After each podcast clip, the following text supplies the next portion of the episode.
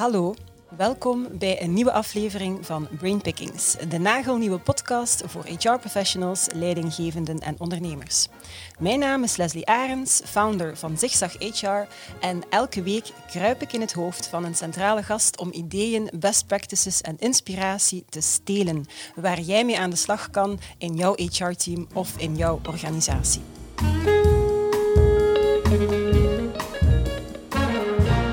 Vandaag zijn we te gast in een fantastische setting, een fantastische locatie, Upgrade Estate, meer bepaald Upgrade Academy, met een dikke dankjewel aan Nele van Damme en haar echtgenoot die deze organisatie hebben opgericht.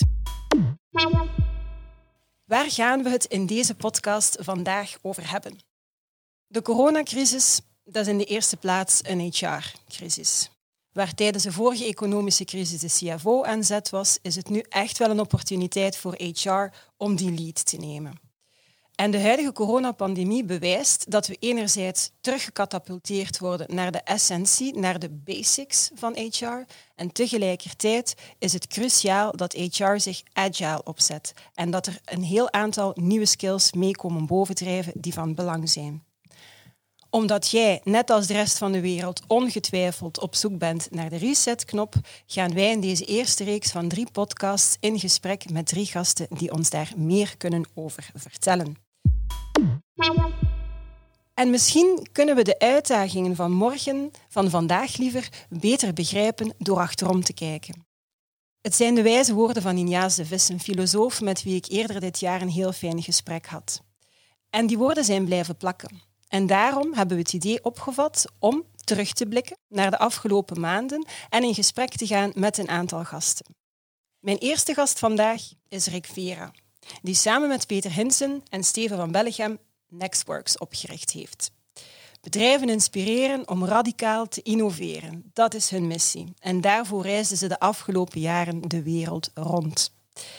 Rick Vera dat is een extreem visionair man. Volgens mij de allerliefste opa ter wereld als je zijn Instagram-feed bekijkt. En vooral een ondernemer met een fantastische visie en het hart op de juiste plaats. Tijdens zijn keynotes tovert hij overigens bijna evenveel slides uit zijn hoed als ik schoenen heb. Echt waar. Dag Rick. Jij was een van de keynote speakers op het kick-off event van ja. Zigzag HR. En je had het toen over de day after tomorrow en hoe leidinggevenden en HR zich daar volgens jou best moesten op voorbereiden. Je hebt toen gesproken over de twilight zone en the old normal isn't dead yet and the new normal isn't born yet. En eigenlijk omschreef je daar heel goed gevoel mee dat ja, heel veel mensen hebben, we weten wel dat hoe dat we de dingen doen, dat dat eigenlijk niet meer oké is, maar goh, we hebben toch altijd maar excuses. We hebben geen tijd, van ons vliegtuig in de lucht en dat gaat niet. En excuses. En eigenlijk kabbelen we maar lekker verder. Jij hebt toen gezegd, jij hebt toen beloofd dat die overgang van dat oude paradigma naar dat nieuwe paradigma een paar jaar zou duren. De Twilight Twenties. Ik herinner het me nog heel goed. En toen, bam, hè? COVID-19. Plots waren we allemaal Robinson Crusoe, maar dan met wifi. We hebben helemaal geen jaren gekregen om ons aan te passen. Mensen niet, professionals niet, bedrijven niet, HR niet. We moesten het in enkele dagen doen. En nu is het alsof de day after tomorrow plots de day after COVID-19 geworden is. Wel, ik heb een one million dollar question voor jou, Erik Vera. Hoe moet dat nu? Hoe gaat de post-corona-wereld eruit zien? En vooral, wat betekent dit voor bedrijven en voor HR? Ja, dat is een uh, hele mooie inleiding, Leslie. Dank je. Inderdaad, uh, ik, ik, uh, ik heb me ook moeten omscholen, hè, want ik stond op, op podia, ik reis de wereld rond. Dat is even niet het geval. Dus ik doe nu heel veel speeches vanuit, vanuit mijn huiskamer of vanuit mijn zolderkamertje. Um, en ja, ik was fout. En ik had um, geen gelijk toen ik zei dat het tien jaar ging duren. Uh, ik waarschuwde bedrijven en bedrijfsleiders van uh, wees er klaar voor, tien jaar gaat zo voorbij zijn. En ik verwees dan altijd naar 2008, de financiële crisis van 2008. En dan vroeg ik, uh, herinner je die? En iedereen moest zeggen van ik herinner me die alsof het gisteren was. dan zei ik van ja, dat is twaalf jaar geleden. Dus wees klaar, want 2030 waar ik dacht van, dan gaat het nieuw normaal er zijn. Dat is maar binnen tien, dat is maar tien jaar, dus doe het nu. En je hebt gelijk, er waren duizenden en redenen waarom het niet gedaan werd. En ineens kregen we dit, bam, Ehm, en heb ik ongelijk? Nee, ik kreeg eigenlijk gelijk. Hè. De day after tomorrow. Alleen het was er veel sneller dan ik kunnen inschatten had. Uh, hoe gaat die er nu uitzien? We hebben één voordeel, denk mhm. ik. Als die Zone lang ging duren, tien jaar ging duren, in die tien jaar tijd, en ik, ik kon niet voorspellen van hoe gaat het nieuwe normaal eruit zien, want het gaat tien jaar duren. En in die tien jaar tijd kun je nog geconfronteerd worden met gamechangers die ik en jij nog niet zien komen hebben.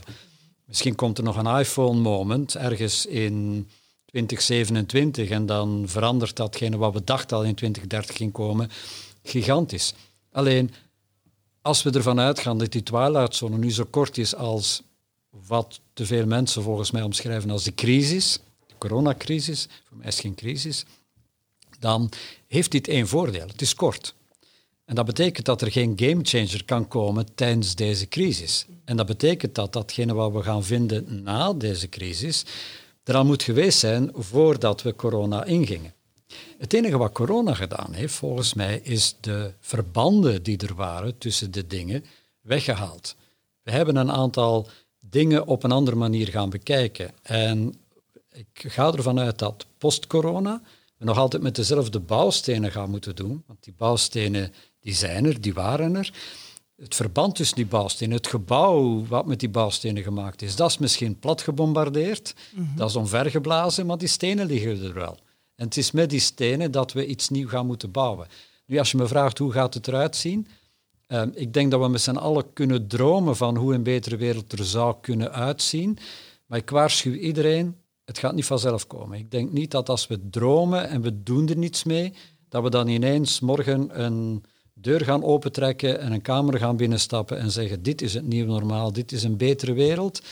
Ik denk dat we hem mogen maken. En ik, ik druk, benadruk heel graag mogen, maken. Het is niet moeten maken. Ik, en dat, dat vertel ik u toen al. Wij zijn de generatie die nu aan zet zijn om een betere wereld te maken. En dat geldt dus ook voor bedrijven. Ik denk als bedrijven dit nu niet aangrijpen om anders om te gaan met hun werknemers, anders om te gaan met hun klanten, anders om te gaan met de omgeving, een ander ecosysteem te maken, dan gaan ze het nooit doen. En ik vrees dat de bedrijven die het nu niet doen, uh, misschien de komende vijf jaar misschien wel nog gaan overleven, maar niet langer gaan overleven. Ik denk dat de wereld daarna voldoende veranderd gaat zijn, zodat de bedrijven die zich nu niet aanpassen, en aanpassen is het maken, uh, gaan verdwijnen. Ik, ik vond het ook mooi dat je, je hebt, eh, ik heb jou ergens horen vertellen, um, de beeldspraak dat mensen inderdaad altijd zeggen, we hebben geen tijd, het vliegtuig hangt in de lucht, dus we kunnen niet zomaar gaan aan grote veranderingen gaan doorvoeren. Wel, die vliegtuigen, je hebt dat ergens gezegd en geschreven, zelfs die vliegtuigen, die hebben nu een hele tijd op de grond gestaan. Dus welk excuus Ja, precies, maar dat was altijd het excuus. Hè, van, en, en ik begreep dat excuus ook. Ik heb bedrijven geleid, ik weet hoe moeilijk het is om je bedrijf te verbouwen terwijl het in de lucht is. Om een mhm. nieuw businessmodel te maken. Ergens bovenop of naast je bestaande businessmodel, wat misschien zelfs je bestaande businessmodel gaat aanvreten, mhm. terwijl je moet leven van dat oude businessmodel. Dat is een hele moeilijke opgave. En bedrijven kwamen vaak naar me toe en vroegen van, hoe moet ik dat nu doen? Waar moet ik dan dat vliegtuig gaan parkeren even? En kan ik dat überhaupt wel parkeren? En wat als mijn concurrenten dat niet doen? En tegelijkertijd dat ik het aan het verbouwen ben, mijn marktaandeel aan het aanvreten zijn. Ineens staan al die vliegtuigen staan even aan de grond. Ik heb zoveel bedrijven die nu zeggen, laten we het even in de vriezer stoppen. We, we, gaan even deze crisis uitzieken. We hopen dat we voldoende reserves hebben om die te overleven. Het is bijna winterslaap. Ja. En we hopen dat we na die winterslaap, dan, dan komt alles weer terug. Oef. Ja. En dat is de denkfout, denk ik. Ik denk dat de denkfout is dat je een dinosaurus invriest, dat de dinosaurus uit de vriezer haalt binnen 1, 2 weken of binnen 1 of 2 maanden, dat je die in de wereld zet en dat je dan pas realiseert, oh, die wereld is helemaal veranderd. Ik had mijn vliegtuig moeten verbouwen terwijl het op de grond stond. Ik waarschuw elk bedrijf, elke bedrijfsleider, maak niet de fout dat je binnen twee of drie maanden kijkt en denkt van, ah, ik heb de opportuniteit gemist. Ja, klopt.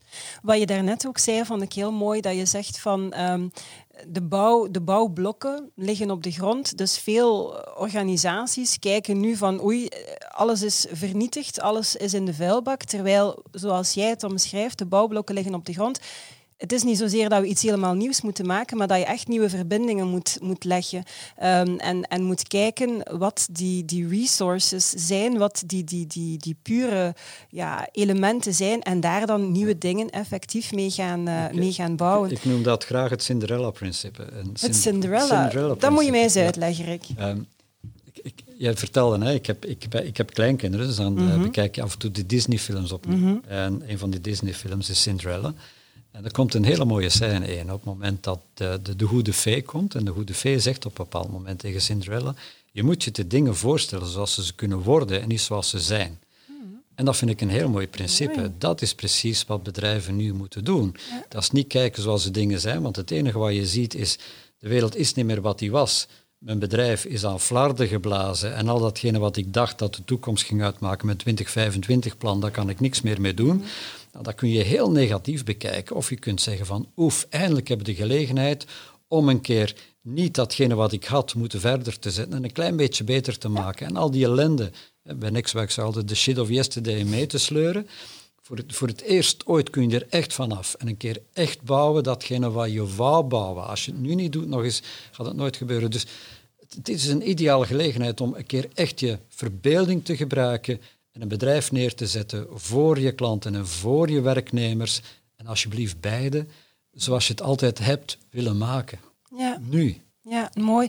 Het doet er mij aan denken. Je hebt um, tijdens het uh, interview dat we, dat we hadden in um, september zal het geweest zijn vorig jaar. Het was trouwens het allereerste interview dat ik ooit heb afgenomen over Zigzag HR. Ik weet niet of dat je dat Ik heb dat niet gemerkt. Nee, dat was het allereerste in ieder geval. En ik herinner mij toen dat je ook dat pleidooi gaf van eh, je moet een anders leren denken, anders leren kijken, die verbindingen leggen. Als ik dan de, het, het bruggetje mag bouwen naar, naar HR, ja, dan, is, dan hoor ik daar wel een mooi pleidooi van jou om, om mensen te gaan aantrekken op, op ja, meer die soft skills en, en, en op die attitude, in plaats van ze te gaan duwen in die blueprint dat ze toch maar zouden passen in die functieomschrijving, dat we het eigenlijk omdraaien, dat we echt de boel omdraaien, nieuwe verbindingen leggen en kijken hoe kunnen die mensen vanuit hun sterktes en talent ingezet worden in dit, het bedrijf. Dit is denk ik het moment om de blueprints en de, de jobdescripties van het verleden om die achter je te laten. En niet te beginnen vanuit, eh, laten we een nieuwe blueprint maken en laten we nieuwe jobdescripties gaan neerzetten. Nee, kijk even wat willen we gaan doen voor mens en maatschappij? Wat is onze ultieme why? Ik, ik, ik vertelde toen ook al, de ultieme vraag die elk bedrijf zich moet stellen is, mhm. wat zouden mijn klanten missen als ik er morgen niet meer zal zijn? Als je van daaruit vertrekt, dan even gaan kijken, wat, wat betekenen we nu voor mens en maatschappij? Hoe gaan we dat neerzetten? Welke mensen hebben we in onze organisatie? Waar zitten de talenten? En het is heel opvallend, ik ben op het moment een aantal bedrijven aan het begeleiden, dat gedurende deze crisis, die ik nog eens niet graag crisis noem. straks vragen waarom het geen crisis is. Ja. Ehm, andere mensen ziet ineens naar boven komen binnen bedrijven. Mhm.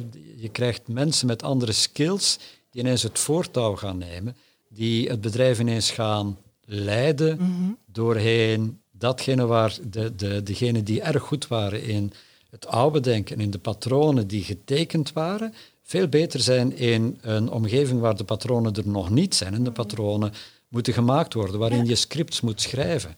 Je hebt scriptsinvullers en je hebt scriptschrijvers. Je hebt nu de scriptschrijvers nodig. Mooi. En je hebt die heel vaak in je organisatie, alleen je hebt er nooit op gelet. Omdat je die nooit nodig hebt gehad. Dus, en ik zie daar een gigantische opportuniteit voor HR-managers eh, om het bedrijf daar echt in te helpen en in te begeleiden. Van laten we nu andere mensen hun talenten ontwikkelen. Ja, mooi. Maar nu moet je mij toch een keer zeggen, waarom is het geen crisis, Rick? Of je houdt niet van dat woord? Ik, ik hou niet van dat woord omdat het te, negatief is. Ja. Um, als moment dat, zolang als we een crisis gaan noemen, mhm. ehm, dan gaan we het ook exit-strategie noemen. En met exit-strategie bedoelen we altijd, laten we teruggaan naar het oude normaal. Waarom zouden we in godsnaam naar het oude normaal terug willen? Uh, ik denk dat we met z'n allen erover eens waren dat dat oude normaal, dat er ook veel haken en ogen aan zaten. Ja, er zitten heel veel goede dingen in dat oude normaal, maar die zijn niet weg. Laten we die goede dingen meenemen en laten we alsjeblieft nu afscheid nemen van een aantal dingen die gewoon krom zaten. We, misten, we wisten het met z'n allen. Um, maar we raakten er maar niet van af. Omdat we de angst hadden, we zagen niet hoe het moest. Wij hebben nu de kans gehad, we hebben nu zo'n kantelmoment. Ja. Ik had het altijd over een kantelmoment en dat was vrij abstract. En ineens is dit een helder kantelmoment. Nou, laten we dan aan de ene zijde van de kanteling al datgene liggen wat we niet meer willen meenemen naar de andere zijde. En vandaar, voor mij is het geen crisis, het is een kantelmoment. Ja. En een kantelmoment kan altijd of naar het goede of naar het slechte leiden. Die keuze ligt bij ons. Ja. Laten we het alsjeblieft naar het goede leiden. Klopt. En als ik dan opnieuw de brug leg naar, naar HR, het is een beetje hetzelfde. Heel veel HR-professionals, heel veel HR-directeurs, die gaan ongetwijfeld nu gemerkt hebben van ja, zaken waar ze heel veel tijd en energie in staken, niemand heeft dat gemist of blijkt dat, dat, dat ze daar eigenlijk overbodig waren, niet nodig waren.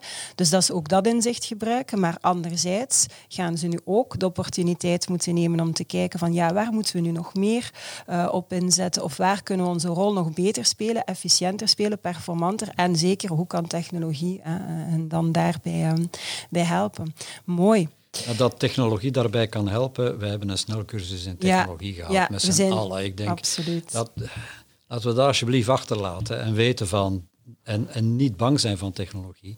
Um, als het één snelcursus is geweest, het is een snelcursus OMO, online, muitenswit, offline.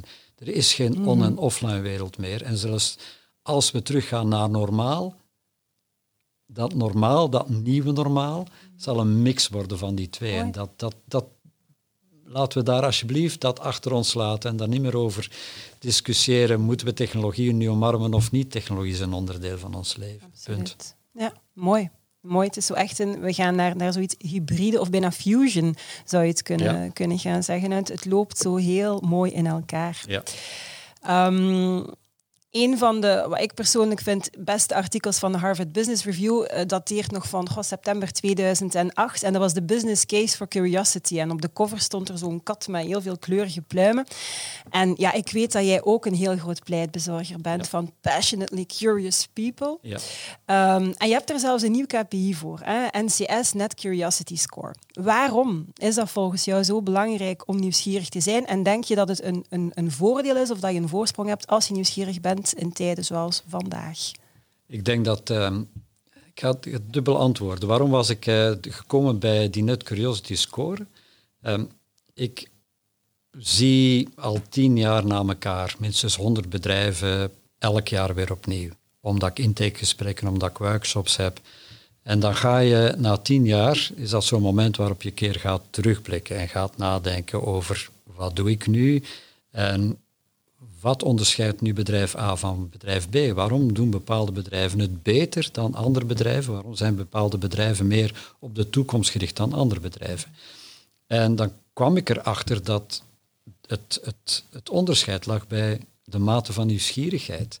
In welke mate is een bedrijf nieuwsgierig naar de dingen om zich heen? In welke mate is een bedrijf nieuwsgierig naar de buitenwereld, naar de klant, naar de leefwereld van de klant, naar nieuwe technologieën, nieuwe businessmodellen zien uh, komen, waar ze misschien wat mee zouden kunnen doen? Um, niet zeker, want dan ben je niet nieuwsgierig meer. Bedrijven die op zoek zijn naar antwoorden op vragen die ze nog niet als vraag hadden gedefinieerd op een bepaald moment. En dat geldt voor bedrijven, dat geldt voor bedrijfsleiders, maar dat geldt ook voor wat gebeurt er in een organisatie.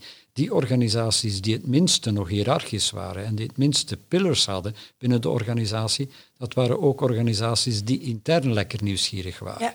Waar mensen niet uitgingen van hun eigen grote gelijk, maar vooral waarom vertel jij dit, waarom wil je dat? Die, die waarom uh, was, was heel sterk aanwezig. En als ik nu kijk naar wat er nu aan het gebeuren is en bedrijven die het beter doen dan andere bedrijven, nou, dan is de echt onderscheidende factor op dit ogenblik die bedrijven die al lekker nieuwsgierig waren, die waren veel beter voorbereid op het onverwachte.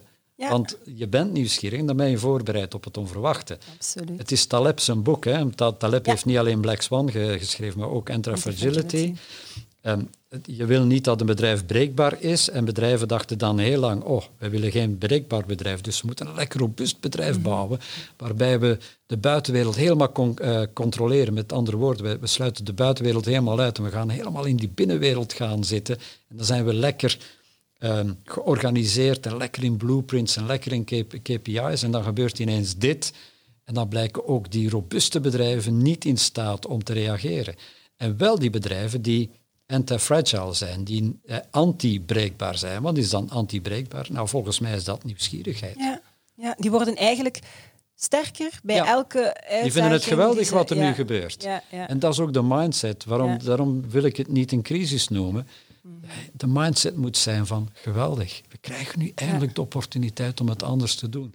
En diegenen die al lekker nieuwsgierig waren, die moeten hun laden maar opentrekken. En daar liggen al die dingen in die ze een keer bekeken hebben, die ze een keer geprobeerd hebben. Daar ligt wellicht een aantal oplossingen die je nu eindelijk een keer kunt gebruiken. Absoluut, ja, heel mooi, ben ik helemaal mee akkoord. Hoe, hoe kan je die nieuwsgierigheid dan in een organisatie ja, aantrekken in eerste instantie? Hoe ga je daar dan op screenen volgens jou? En, en hoe ga je dat dan vasthouden in een organisatie? psychological safety is een heel belangrijke, maar, maar wat hebben mensen nodig om daarmee ook aan de slag te gaan? Ik denk dus uh, bijna het omgekeerde. Ik, ik, als ik, en ik moet nu opletten, want als ik het over onderwijs heb, heb ik het niet over de mensen die um, dagdagelijks met onze kinderen bezig zijn. Ik wil absoluut geen fingerpointing doen tegenover de mensen die onderwijzer zijn of onderwijzeres zijn. Ehm, maar je moet een keer letten van, um, opletten, elk kind wordt lekker nieuwsgierig geboren. En na 18 jaar school is die nieuwsgierigheid helemaal weg. Hoe komt dat? En eigenlijk moeten we de omgekeerde beweging doen. Al datgene waarom dat gebeurt, dat moeten we terug grijpen en zeggen van oké, dit moeten we nu gaan stimuleren. Of niet meer gaan doen. Nieuwsgierigheid is iets volgens mij niet iets wat je moet aanleren, dat is iets wat je afleert. Ja, mooi. En, en, en we moeten één in het onderwijs stoppen om dat af te leren. En ik denk twee, je moet gewoon in bedrijven de openheid geven om terug nieuwsgierig te zijn, want je hebt het afgeleerd, maar je bent het nooit kwijt. Je moet, en je had het al over safety, je moet de safety creëren volgens mij binnen bedrijven, waarbij mensen lekker nieuwsgierig mogen zijn, waarbij je dat gaat stimuleren. Je hoeft het niet aan te leren. Je hoeft geen cursus, alsjeblieft, doe dat niet. Geen cursus uh, nieuwsgierigheid gaan geven. Dat is net even onzinnig als een cursus authenticiteit. Je bent authentiek of, je bent het niet. En nieuwsgierig zijn we allemaal. Maar je moet die belemmeringen gaan wegnemen die ervoor zorgen dat mensen niet durven nieuwsgierig te zijn. En dat heeft inderdaad heel sterk met die psychological safety te maken. Um, blamecultuur en ehm, nieuwsgierigheid die staan lijnrecht tegenover elkaar. In een blamecultuur, er gebeurt wat je gaat schuldigen zoeken, dan sla je de nieuwsgierigheid zo uit je organisatie. Um, je, je werknemers als werknemers bekijken, we moeten dringend een ander woord daarvoor zoeken. Klopt. Dat, um, dat werkt nieuwsgierigheid niet in de hand. al dat soort dingen. Even gewoon van, hoe komt het dat kinderen lekker nieuwsgierig zijn? Gewoon omdat ze niet belemmerd worden door dingen die mogen of niet mogen, of door dit hoort niet zo, of um, wees nu een keer lekker verstandig en, mhm, en pas je aan aan de norm. We hebben geniale gekken nodig. En die genialiteit, daar word je allemaal mee geboren. En wat noemen we gek? Iets wat afwijkt van de norm. Ja, En het is net, als dan alles weggeblazen wordt, dan is er geen norm meer. Mhm. En dan heb je die geniale gekken nodig.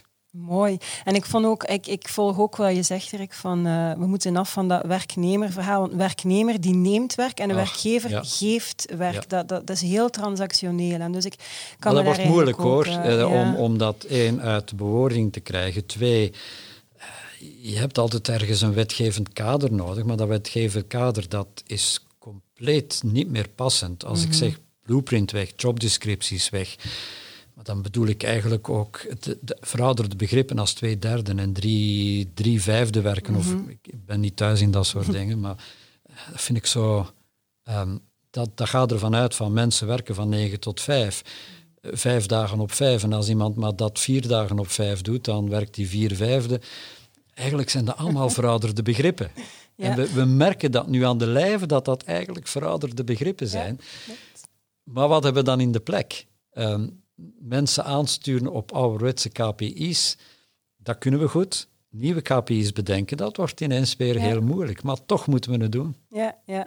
Het doet er mij een beetje aan denken van wat, wat we bij Zigzag jaar ook altijd zeggen. Mensen moeten buiten de lijntjes kleuren. Je moet dat durven, willen, kunnen en mogen. En dus die psychological safety ook, dat mogen. Um, ik vul daar dan altijd nog aan toe van, ja, je moet buiten de lijntjes kleuren, op voorwaarde dat je eerst hebt geleerd ook om binnen de lijntjes te kleuren. Je moet, je moet wel, er is een kader nodig en, binnen, en dat is die psychological safety. En daarbinnen moet je eigenlijk de vrijheid krijgen en nemen uh, om aan de slag te gaan. Dus, ja, ehm, maar mensen verwarren dat heel vaak. Hè, van, uh, het, is, het lijkt alsof dat, je, dat ik een pleidooi hou voor compleet chaotische bedrijven. Ik heb te lang bedrijven geleid om te weten dat een chaotisch bedrijf niet werkt. Um, en je moet goed weten waar je bijvoorbeeld veel zelfsturing geeft en in welk deel van je organisatie dat nu eenmaal minder kan. Uh, er is geen silver bullet, er is niet nee. de methodiek en oké, ik pas die methodiek toe en dan, dan gaat het wel allemaal vanzelf lopen. Zo eenvoudig is het niet. Mm, nee. Gelukkig. Nee. inderdaad, ja. gelukkig, inderdaad. Alright. Um, wat ik ook uh, me herinner uit um, de kick-off en uit het uh, interview uit het magazine met jou, um, is jouw pleidooi voor de surfer skills. En ja. jouw World Economic Forum schuift dan die 16 21st century skills naar voren. Uh, jij zet daar gewoon de surfers mindset tegenover om te zeggen van kijk, dat is wat we nodig hebben in de snel veranderende maatschappij. En wat zeg je daarin? You have to spot the waves, you have to catch the waves, then you need to have the guts to surf the waves. So you need to have the surfer skills.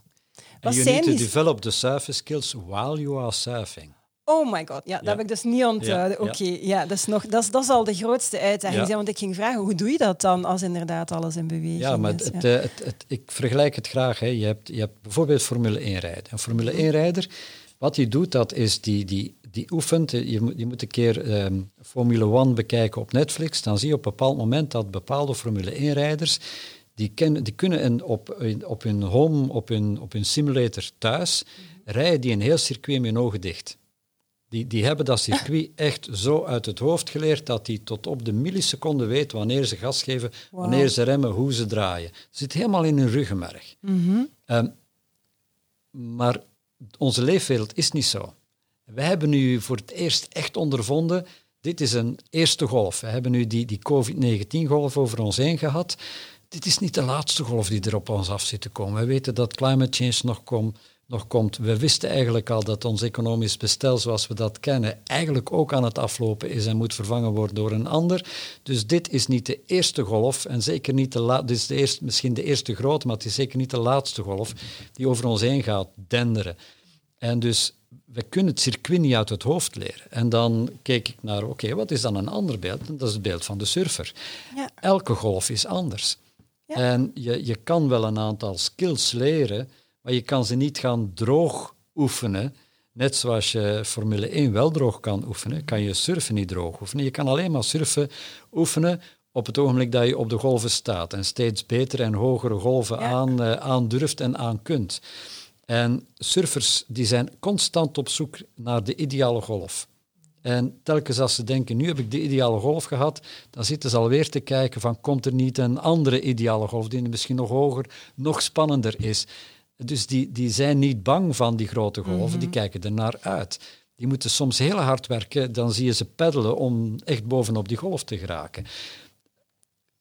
Je kan alleen maar te laat zijn. Als je ze gemist hebt en dat is net de grote en je was er net niet op, dan vloek je van die heb je gemist. Ja. Dus je, je kan beter maar te vroeg zijn en hard moeten werken, want dan kan je ze tenminste, dan kan je ze tenminste hebben. En als dat dan maar een klein golfje was, oké, okay, dan komt er wel een volgende.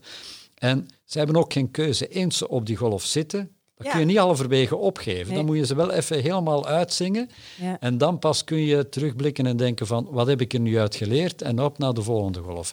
Nou, dat past helemaal bij die modewoorden, agile of weet ja, ik wat je allemaal ja, noemt. Voor mij is dat weer die anti-fragility. Dat is die anti-fragility. Ik word per golf word ik gewoon beter en ik zoek constant nog een moeilijker, een hogere golf op, zodat ik als surfer een betere skillset ontwikkel. Nou, Mooi. dat is het. Metaforen zijn toch heel krachtig om dingen te duiden en om verstaanbaar te maken wat, wat we willen overbrengen. Dat is Ja. heel mooi. Ik, ehm, ik denk dat we het hierbij kunnen laten. Ik, ik zou eigenlijk willen afsluiten met een uitspraak die jij hebt gedaan tijdens hè, dat allereerste interview. Ja, ze, ze, ik vind ze geweldig. Het gaat over windenergie. Oh, ja. Windenergie is geweldig, maar je moet wel wind hebben, heb je toen gezegd. En HR denkt te vaak dat ze wind moet maken. Dat kan natuurlijk niet. Het komt erop aan om de wind te gaan capteren en die om te zetten in energie. Ik vind dat een fantastisch mooie omschrijving van de rol van, van HR. Dus de mensen zijn de wind, hè. die, die, die, die, energie is er. Het is die energie capteren, dat is de grote kunst, niet te maken. Absoluut, heel mooi. Dankjewel om erbij te zijn. Rick, dankjewel dat we in jouw Jij hoofd mochten kruipen. Voor, uh, ja. Ja. ja, dat was mij, was mij heel Ik hoop dat het een fijn bezoek was. Jullie waren fijne bezoekers in mijn hoofd. Absoluut. Nu, dankjewel ook aan jullie om te kijken en om te luisteren. Uh, volgende week heb ik Bert Bruggemans op bezoek, de jongste brandweercommandant ooit. En dat wil jij natuurlijk voor geen geld ter wereld missen. Dus abonneer je zeker op deze podcast of op ons videokanaal.